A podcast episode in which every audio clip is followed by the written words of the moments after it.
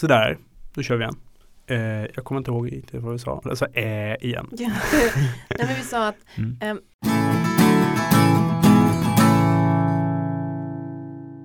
Nu sa jag en bara för att du Mm. sa det. Men det handlade om att jag sa resan, din resa Mm. till att bli förälder. Ja men just det, för vi, vi känner ju inte varandra jättebra egentligen. Nej. Och då tycker vi det kan vara intressant. Mm. Mm, fråga på. Ja, Nej, men- ska jag, jag kan börja någonstans. Jag, har ju, jag kan berätta lite mitt liv just nu. Mm. Eh, jag är gift med Emma. Vi bor i ett radhus ute i Hässelby. Och eh, vi har två barn. Som, eh, det är Olle som snart fyller fyra. Och sen har vi Maja som snart fyller tre. Eh, och de är, eh, det som är alltså lite ovanligt, de, de är adopterade barnen där. Så många år så um, försökte vi kämpa och bli föräldrar. Men det gick inte speciellt bra. Så det det vi ska prata lite om. Så, Mm. faktiskt. Och jag tänkte jag bara skulle säga så här två saker innan jag börjar fråga. Och det ena var ju så att för ett par, alltså par fyra år sedan måste det vara då, så gjorde du faktiskt på ditt, med, ditt, med ditt jobb, med KIT, Mm. så gjorde ni en typ en videoserie lite om det här med att om man får fråga Ja, om någon det. ska ha barn eller inte. ja. Jag kommer ihåg att jag såg den då. Var jag med den? Ja, du var med, du var med i den. Ja, Du var med i en, du gjorde en video där det var så här, de här frågorna, ska inte ni ha barn snart? Och det handlade just om så här ofrivillig barnlöshet. mm. Och sen så följde jag dig på Instagram, för jag Ja. har ju stalkat dig, det vet vi ju. Mm. Och då så skulle ni, jag, jag typ börjar gråta när jag tänker på det här, men då Mm. skulle ni åka och liksom hämta hämta hem Olle första gången och då var det som en story och då var det hela tiden resan till Olle Mm. som var ju en hashtag. Ehm, och det var så himla fint att följa. Ja, så att eh, nu, Mm. Jag blir också lite så här eh, emotionell, emotionell och eh, lite ja, får ju så här stå, ståpäls. så. Jag förstår det. så det är väl därför som jag Mm. tyckte att det kan vara så här en fin grej och därför Mm. som jag sa din resa till att bli förälder. För Mm. att jag fick ju, vi som, eller jag och vi andra som följde, som följer dig på sociala medier fick ju egentligen följa med när det faktiskt hände. Mm. Vi kunde inte följa med er under den här resan, eller under de här åren då ni kämpade. Nej. Utan vi fick vara med där ni liksom skulle faktiskt, där ni inte var ofrivilligt barnlösa längre, utan ni Nej. faktiskt fick barn. Ja, nej men för det var det jag tänkte, för det var ju Alltså när vi började med IVF från början och sen gick det inte så bra och sen var det ad- adoption som blev vår lösning på det.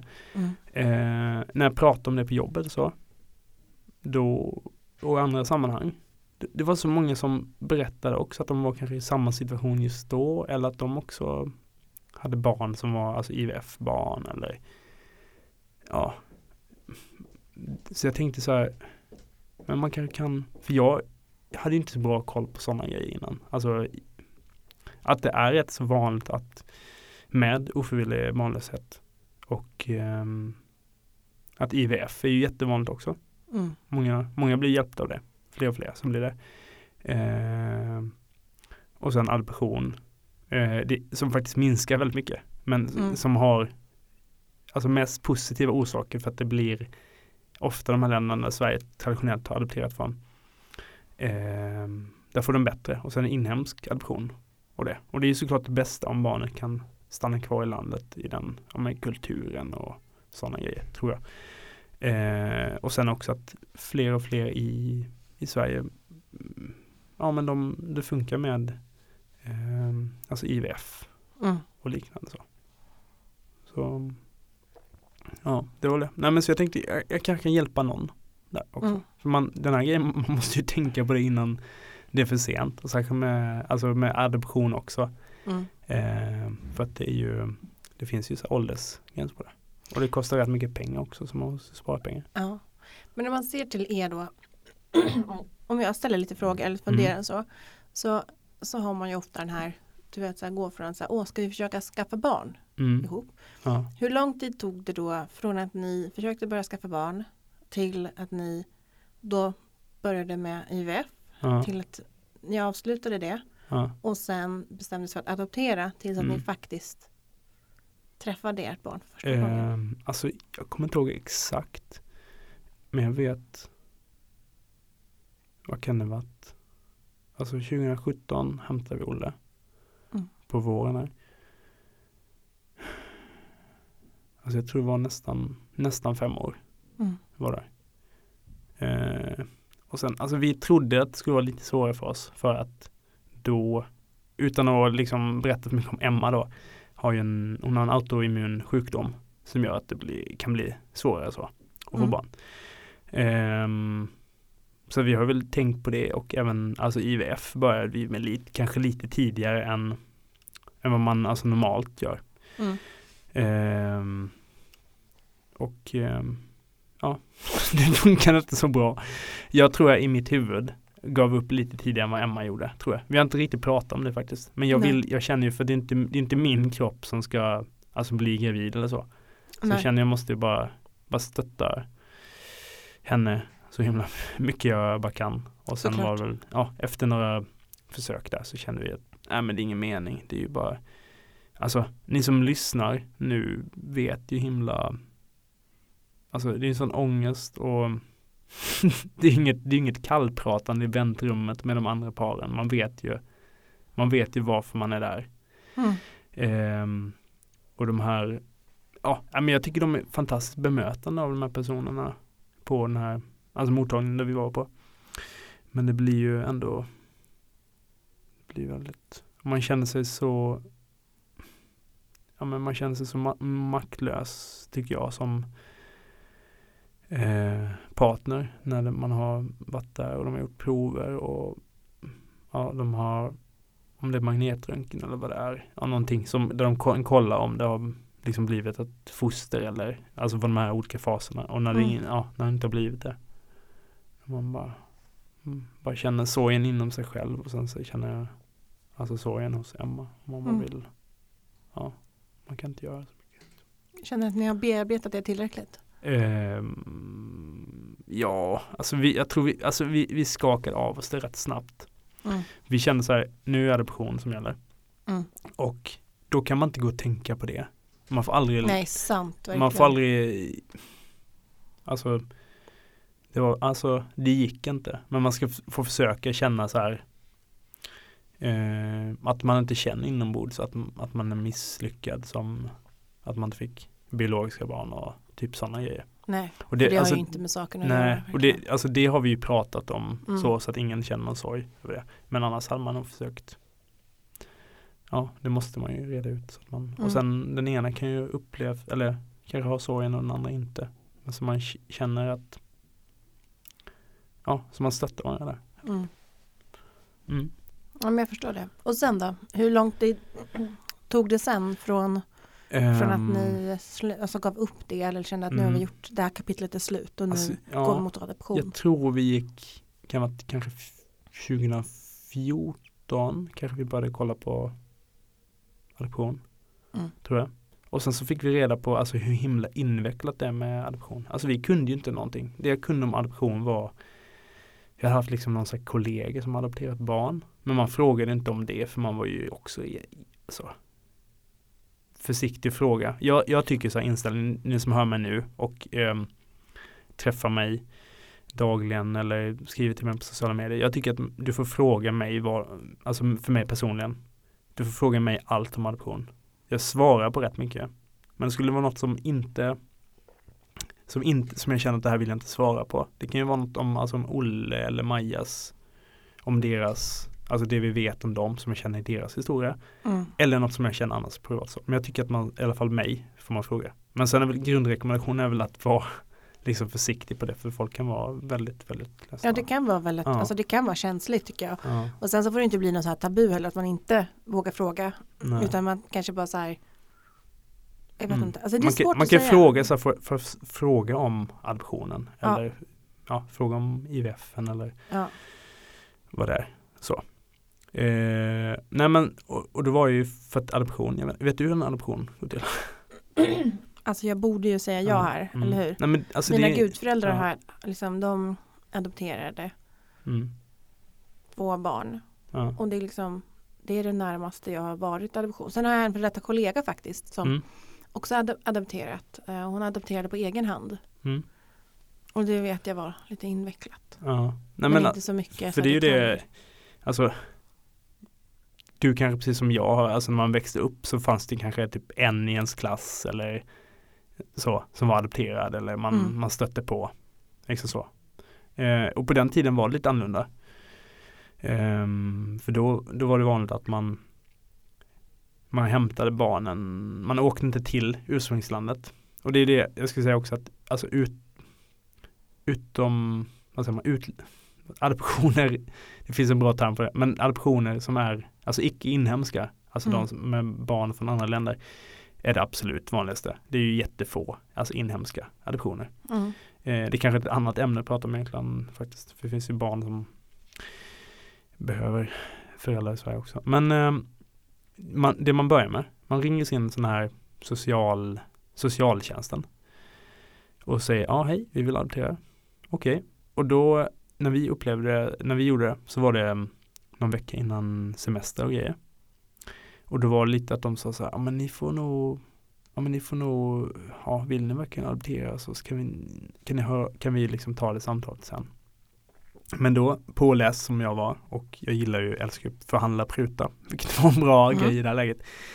För då sa jag så här, men alltså du vi har varit, vi har försökt bli föräldrar här flera år och vi har läst på mycket om adoption. Och jag, det är inte så att jag har mm, som att klicka hem en kläder på nätet. Det är inte så jag tänker. Jag förstår att det är så. Men jag skulle vilja göra det här samtalet med er. För då kan jag börja den här utbildningen. Som man måste gå. Man har så här obligatorisk utbildning man måste gå som mm. eh, adoptivförälder. Vilket i början kände jag var så himla provocerande. Det kostar också några tusenlappar. Och du måste ha jättehög närvaro. Och här i Stockholm tror jag den hålls oftare än i många mindre kommuner. Så Mm. det är också lite så här privilegierat så.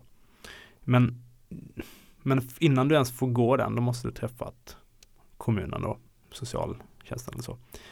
Eh, för, så då lyckades jag få det, för så sa jag, men det tar liksom, ja ni är upptagna så, det är snart semester så. Men det kanske tar en halvtimme, timme.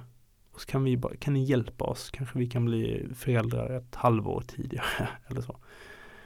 Mm. Så, ja, men så fick jag till det samtalet och vi, vi fick jättebra kontakt sen med de här eh, på socialtjänsten. Mm. Och sen så gick vi den här utbildningen. Och som jag, när vi hade gått den här gången kände jag så här, ja men det är ju jättebra det här. Det var inte så här, du vet byta blöj. Mm. Nysa. Ja. Eh, Den kommer inte. Men du har en innestående, det kanske Fan. kommer nysningar. Kommer Nu vet ni varför. nysning. Men eh, eh, det var inte så här, alltså typ hur, vilken mat ska du ge barnen, hur byter du blöja? Det var inte sådana grejer som jag gissar att man läs, man kan gå sådana kurser inför att bli biologisk förälder.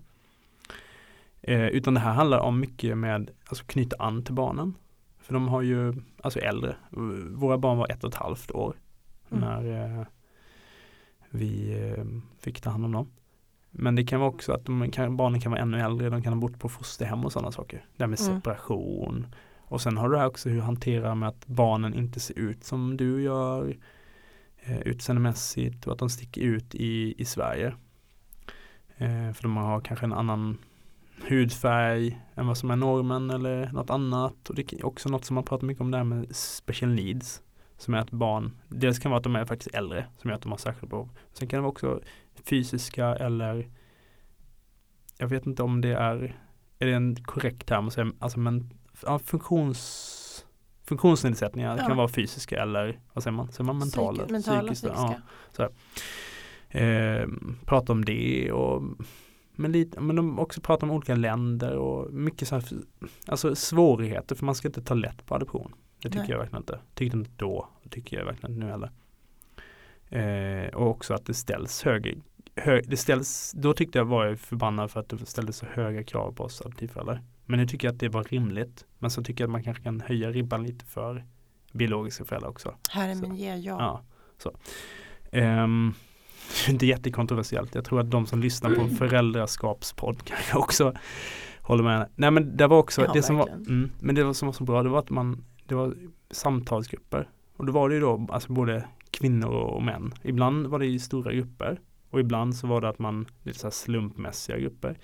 Och ibland var det att vi satt bara då blivande pappor eller bara alltså blivande mammor. Mm. Så. Och det kände jag var ja, men, supergivande. Eh, och en person där som blir mamma, hon har vi kontakt med fortfarande och Mm. liksom umgås med där. Eh, nej men så gick man den kursen där. Och sen när man genomfört den, haft tillräckligt hög närvaro, så eh, skulle vi göra en sån här eh, medgiven utredning. Och då är det liksom hela ditt liv kartläggs, allting, alltså ekonomi, hur ni är i relationen, hur du som person, du ritar upp liksom ditt släktträd. Liksom så här. Vilket var lite Mm. roligt med, Emma har ehm, ett syskon och hennes, så det var inte liksom så mycket där. Men sen jag har fyra syskon har jag. Och det var som inte jag har tänkt på, men de, jag har ju bara faktiskt ett helsyskon, biologiskt helsyskon. Sen Mm. har jag tre halvsyskon. Men det har alltid bara varit mina syskon. Men när man ska rita upp det och det har varit lite så här, mina föräldrar är skilda och jag har en bror som har barn som är separerat från där och sen har jag min lilla syster, eller stora syster, hennes man har en dotter sedan tidigare så. så det var Mm. liksom det var här, lite humorsituation i det, liksom så hur olika man kan ha. Ja, verkligen. Eh, så. Men det, det tog ju lång tid och det var mycket och man skulle också ta så här, man skulle ha referenser. Alltså Mm, typ typ grannar brev. Typ. Och vänner och sånt som skulle ha fysiska träffar. De skulle berätta, de fick frågor, här, men hur tror du att Andreas och Emma är, blir som föräldrar och så. Så det, det kräver ju väldigt högt Mm. engagemang. Och sen efter det, då, då fick man vänta. För det är också det, man måste vara medlem i så här adoptionsorganisationer. Mm. Och det finns, vad är det? Jag tror det är tre stycken det finns nu för tiden i Sverige. Det är eh, Adoptionscentrum som är den stor, största, sen Barnens vänner som vi är med och sen finns det eh, Barnen framför allt. Är det också. Jag, jag, tror, jag tror det bara är de tre. Mm. Eh, jag ber om ursäkt om jag har missat något. Eh, men då ska du välja land också. För du står inte i kö, alltså att adoptera barn, utan du väljer land. Och det kan också vara så här kritiskt att det råkar finnas många barn i det landet just då. Eller det kan vara tvärtom, att det här landet får alltså stopp på grund av någon, någon sak. Alltså så. Det var, där, där Sverige har då eh, man kan inte få det uppfattningen genom medierapportering om adoption för några år sedan. Så har man alltså rätt så här, alltså hög, alltså hög moral när det gäller om det finns tveksamheter. För man vill ju inte bidra till ja, människohandel och sådana saker. är- ja, det finns många problem fortfarande med adoption och så. Men det har ändå blivit mycket bättre senaste Mm. åren.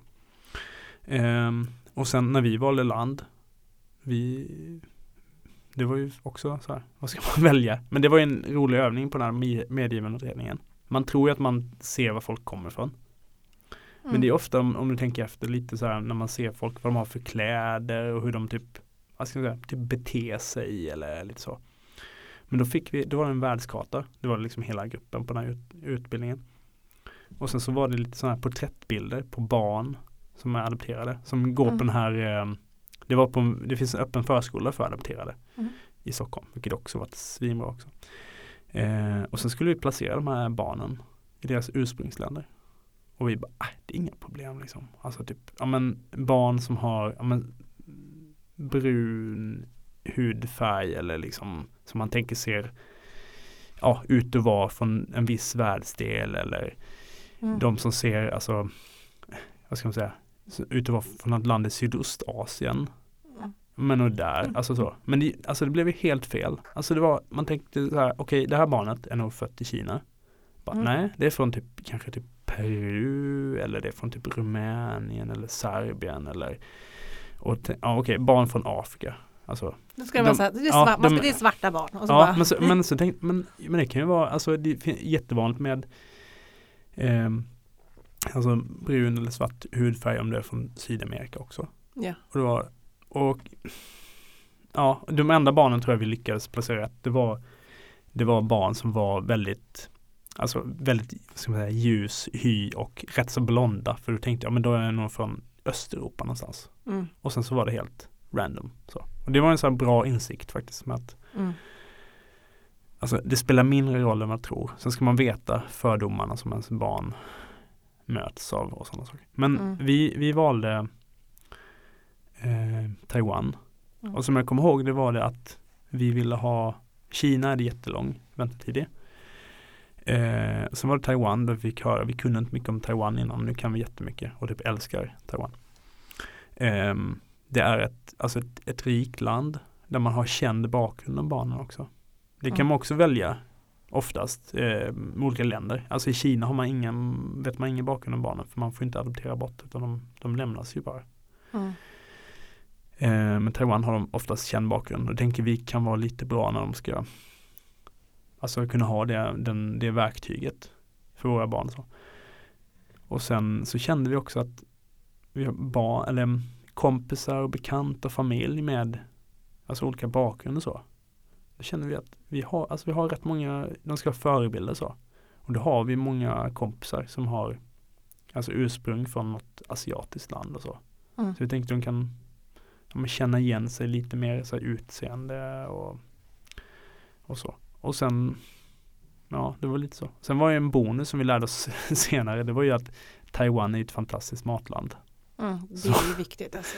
Ja, så. och det var alltså en ytterst liten, Ja. liten grej var också att man känner att det ska vara ett land man vill åka till också. Ja. Och vi kände så här, men Ja men jag bara tar något, inget ont om de länderna, men typ Serbien, det låter liksom inget kanske för oss. Eller Sydafrika kan, de, Sydafrika kan man adoptera för men det var inget som ja, men lockade. Alltså vi, vi valde Taiwan rätt tidigt. Mm. Gjorde vi. Och så. så det finns ju tusen skäl. Men eh, och sen så satt vi och väntade. Och det, jag kommer inte ihåg exakt om det var typ ett och ett halvt år vi väntade. Men kortare än vad vi hade förväntat oss. Eh, och sen så var det en dag i jag tror det var september, jag tror det var 20 september tror jag.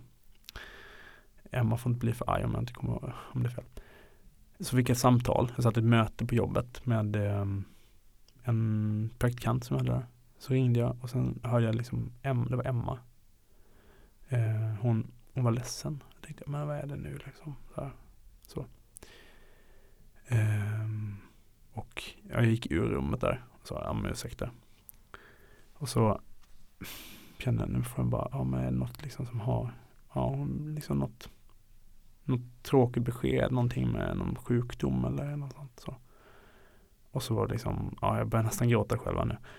Ehm, jag har ju så himla mycket ståpäls vet jag, på gåshud. Ehm, men hon sa så här, Andreas, du ska bli pappa. Och då, ja, nu bryter jag typ ihop också. Ja, men då, då bröt jag verkligen ihop och eh, ja, visste inte vad jag skulle ta vägen. Eh, jag avslutade mötet rätt snabbt, snabbt och bara eh, och så bestämde jag mig för att, eh, eller vi bestämde att vi skulle träffas typ direkt efter det. Så, så fort vi kunde skulle vi ta oss till ett café i närheten där. Där vi fick, för att det är det, vi fick ju se vi hade ju fått, Emma hade ju fått mejla till sig bilder på, på vårt barn. Så vi fick se Olle. Där. Och så. Fint. Ja. Och så, sen bara en väntan. Vi fick vänta var från september till maj innan vi fick åka. För Först får man ett barnbesked, det var Mm. det vi hade fått. Och sen får man ett resebesked. För att det är så att det måste, ja men beroende på lite olika vilket land och så. Så ska det, det ska gå i domstol. Och i vissa länder måste man åka ner också innan. Vara med vid domstolsförhandlingen. Ehm, det behöver man göra ibland i Taiwan. Vi behövde inte göra det. Mm. Ehm, och så. Och innan man fick åka iväg så var det också en sån här lite häftig grej. Vi fick skypa med Olle Mm. vid tre tillfällen. Det var liksom Ja, så vi har ju spelat in de här Skype-samtalen också. Som vi kan ja, men visa honom där. Mm. Och så. Det tycker jag är fint. Det tycker jag är bra. Ja, och fick ja, men jättemycket bilder och grejer skickade och så. Och sen Ja, nej, men sen åkte vi ner det. Mm. hämtade honom. Och då ehm, Det var också så här att Också skiljer sig med vilka, olika, länder. Vissa länder måste man vara där i flera, flera månader innan man får åka hem och så. Mm. Men det var också, spelade också in för oss. Vi kände att det hade varit jättesvårt att vara ledig eh, typ tio månader eh, också på andra sidan jorden för det. Eh, men vi åkte till Taiwan och då åkte vi och vi åkte faktiskt med ett annat par också som skulle hämta sin dotter från samma Från samma barngrupp på det barnhemmet. Och, um, så vi hade resesällskap vilket var jätte, um, jättekul också. Och de har vi också fortfarande kontakt med såklart. Uh, och våra barn leker med deras dotter. Så åkte vi ner och sen var vi, vi var en vecka på plats för att kunna anpassa sig till den här tropiska värmen eh, mm. i Taiwan. Och sen också kunna med turista. Vi visste inte hur, alltså hur vi, när vi skulle komma tillbaks nästa gång. Eh, man vet inte hur det är med Kina, regimen. Alltså för att Taiwan och Kina är ju det är ju en konflikt, alltså mer eller mindre krig mellan dem fortfarande. så. Eh, mm. Så vi, om vi tänkte, om vi ska, och sen också slappna av lite. Som man är. Och sen är det fokus. Och sen så då ska vi hämta Olle och sen tänkte vi är kvar en vecka i Taiwan innan vi åker hem. Så att han hinner lära känna oss och vi lär känna honom också. Så man inte åker och hämtar honom och sen åker man direkt på flyget och sen blir det ja, ännu jobbigare än vad det, vad det kan göra. Så man kan minimera riskerna. Så. Mm. Hur var det då när ni träffades? ja, det var också så här häftigt för att vi men också, vi har ju så himla mycket bilder från allting så det är så kul. För vi, det var ju senast igår så att jag med, eller var lördags, med Olle och Maja och de fick titta liksom på det. Vi pratar ju också om att vi pratar också om det här, om Taiwan och vi pratar om barnhemmet och vi säger, vi pratar om Taiwan-mamman och Taiwan-pappan. Det finns olika sätt att säga det. Vissa säger mm. biomamma eller biopappa och så. Vi tänkte, vi känner mest bekväma och med tanke på vilken ålder de är så säger vi Taiwan-mamma, Taiwan-pappa och så. Mm. Um, nej men vi åkte dit där, det var ju liksom ett barnhem och det är också man har bild av barnhem, adoption, då har man ju sett dokumentärer från Rumänien och från Kina, men de har det ju alltså helt hemskt barnen. Men då, och det varierar också. Det finns ju såklart riktigt dåliga barnhem fortfarande. Alltså så. Vi har ju alltså vänner som också adopterat från eh, framförallt andra länder som har det mycket sämre ställt än vad Taiwan har. Där man inte har det, det är inte så fint på barnhemmen så. Men här var det, det var som att åka till ett svenskt, eh, ja typ dagis, ja får man inte säga, förskola. mm. eh, och sen så var det så var, var vi fast i ett rum där vi gick igenom lite dokumentation och ja men de visade lite så här det praktiska grejer, de här blöjorna använder han och sådana grejer. Och sen frågade vi om vi fick gå runt där på, på uh, barnhemmet och kolla lite hur de haft det och kunna se liksom, för de har, ja men här, den minsta är bebisavdelningen och de är lite större. Mm. Kanske se var han har sovit och sådana saker så. Så det gjorde vi det. Och sen då var det en sån här rätt knäpp grej, för vi var vid bebisavdelningen. Och då eh, så var det ett barn där. Det var ju då, sorry Olle, men jag måste säga det, vi, när du var, var lite bebis så var du rätt så kraftig. Du hade stor benstomme som man säger. Så var det ett annat barn där, bebis, som då var mycket yngre än Olle. Olle var ett och ett halvt då. Som Emma skojade, men det här ser ut som Olle. Det kunde vara hans liksom syskon. Så. Och sen stod vi där någon minut så. Och, alltså vi pratade bara på svenska jag och Emma. Och det var, ja, det var ingen annan, det var ju bara, de var ju mm. från Taiwan. Engelska och kinesiska. Så. Men det bara lyfte ut det här barnet. Och sen bara liksom i lyfte fram och berättade att det är hans Olles biologiska lilla syster. Så förstår liksom i det, man är, alltså känslorna är ju helt, man är nästan lite skakig redan ja. och sen ja, får man alltså presentera det för det då liksom. Så um, det, och jag berättar ju det för att vi fick ju, vi fick inte adoptera henne direkt. Det får man ju inte för det är liksom, har ju lite så här rättssäkerhet och mm. sådana saker. Och att man kan ta hand om ett barn till att börja med också. Men hon är ju, vi har ju adopterat ju henne sen. Hon är hemma, det är Maja. Mm. Um, så där var vi helt uh, skakade liksom. Och sen som jag minns, gick, vi gick runt sen och sen skulle vi, hem, vi skulle hämta Olle. Och då var det, vi såg genom i, de var inomhus där då. De är rätt mycket inomhus där för att det är så himla varmt så de ska vara i luftkonditionerade rum så. Och så var det ett, ett, en, ett rum där då där vi stod på ut, utomhus med barn då. Och så att det kom liksom några alltså ja, vita människor eller så här icke som inte såg taiwanesiska ut då.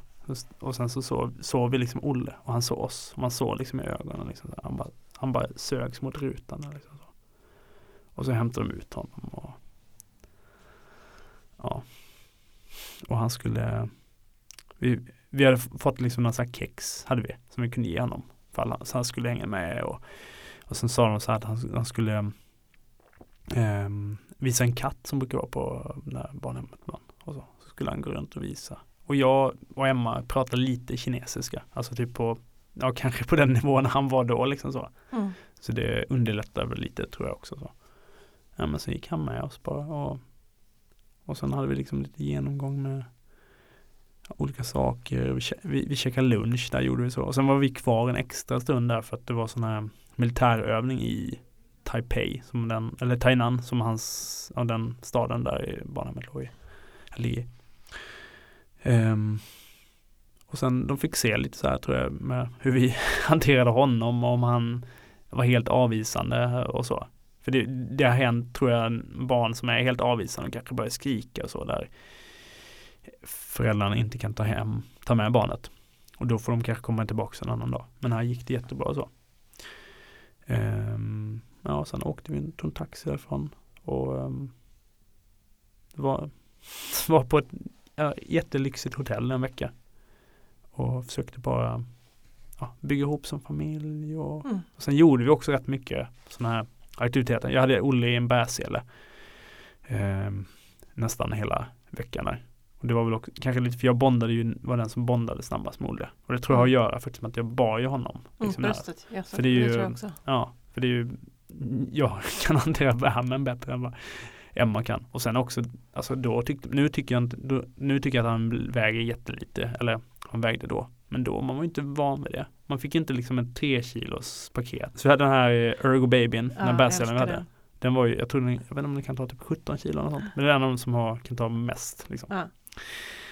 Eh, ja, nej men så det, det var det. Och sen var det lite, som lite så här konstigt, man kände för att vi, det var ju inte så många andra alltså västerlänningar där i Tainan. Eh, och jag kände ibland, de tittade på oss och så, men det alltså, var jätteglada minnen och så. Och sen alltså, ibland så förklarar jag, för jag kände lite så här, särskilt, för jag var ju tvungen liksom, när jag gick in på så här, toaletter och sådana grejer, på mm. restauranger eller i köpcentrum och har Olle kvar bärselen så. Jag tänkte det kan se lite så suspekt ut, en västerlänning och sen liksom ett mm. asiatiskt barn så. Och lite såna. Så jag hade, jag hade lite sådana här lite meningar i eh, mitt huvud liksom med, och när jag sen beställde mat liksom och så. Och sen, så sen sa Tasher och Artsy som är, han är min son. Liksom så. Mm. så förstå. Alltså de förstår väl att han var adopterad. Ja. Eller, fast samtidigt också så, så var det väl vissa, eh, du vet när vi flög hem också, när vi stod och pratade med flygvärdinnorna på Thai flög vi. Mm. Um, vi ville inte flyga igenom alltså, Kina fall det skulle bli något problem med typ taiwanesiska pass och sådana grejer. Nej, jag förstår det. Men då var liksom de, det är också som jag fick en insikt också. Alltså jag som man, som pappa till ett barn som ser asiatiskt ut. Där kanske man, där ofta utgår man från att min fru är eh, av asiatiskt ursprung. Mm. Medan då logiskt sett, alltså när Emma, det är ingen som utgår från att hon har eh, alltså asiatisk man och så. För att man har, det är, alltså det är lite så här, den här hierarkin tror jag, lite så här. För att eh, tyvärr, och det märker man ju i så här, populärkultur och film och allting. Alltså, mm asiatiska män är liksom lägre rankade än liksom, asiatiska kvinnor. Så jäkla konstigt ändå. Ja, men äh, ja. En av mina bästa kompisar, hon är gift med en, ja. en med en kinesisk man. Ja. Mm. Nej men, äh, ja, vad vill du mer veta? ja, alltså sen så, jag vet inte vad, äh, det finns mycket. Mm. Men alltså, jag, jag, tror det här är en bra början. För ja. vi, vi har suttit och pratat här. Sen tänker jag man kan gå in mer på det. Vi kanske kan prata, ja exakt, jag tänker mm. det finns ändå mer saker. Men här tänker jag att det kanske kommer in frågor. Mm. Ja, alltså ni får gärna ja, höra av er med alltså, era funderingar. Det ni vill veta om adoption eller om eller om ni vill ja. dela med er själva om, om mm. era historier. Eller om vi ja. kanske ska ta upp det och berätta om. Eller ja, men berätta om någonting som ni har varit med om. Som du kanske inte vill vara, du kanske inte ens vill vara öppen med det. Men vi kan ju berätta det. Mm.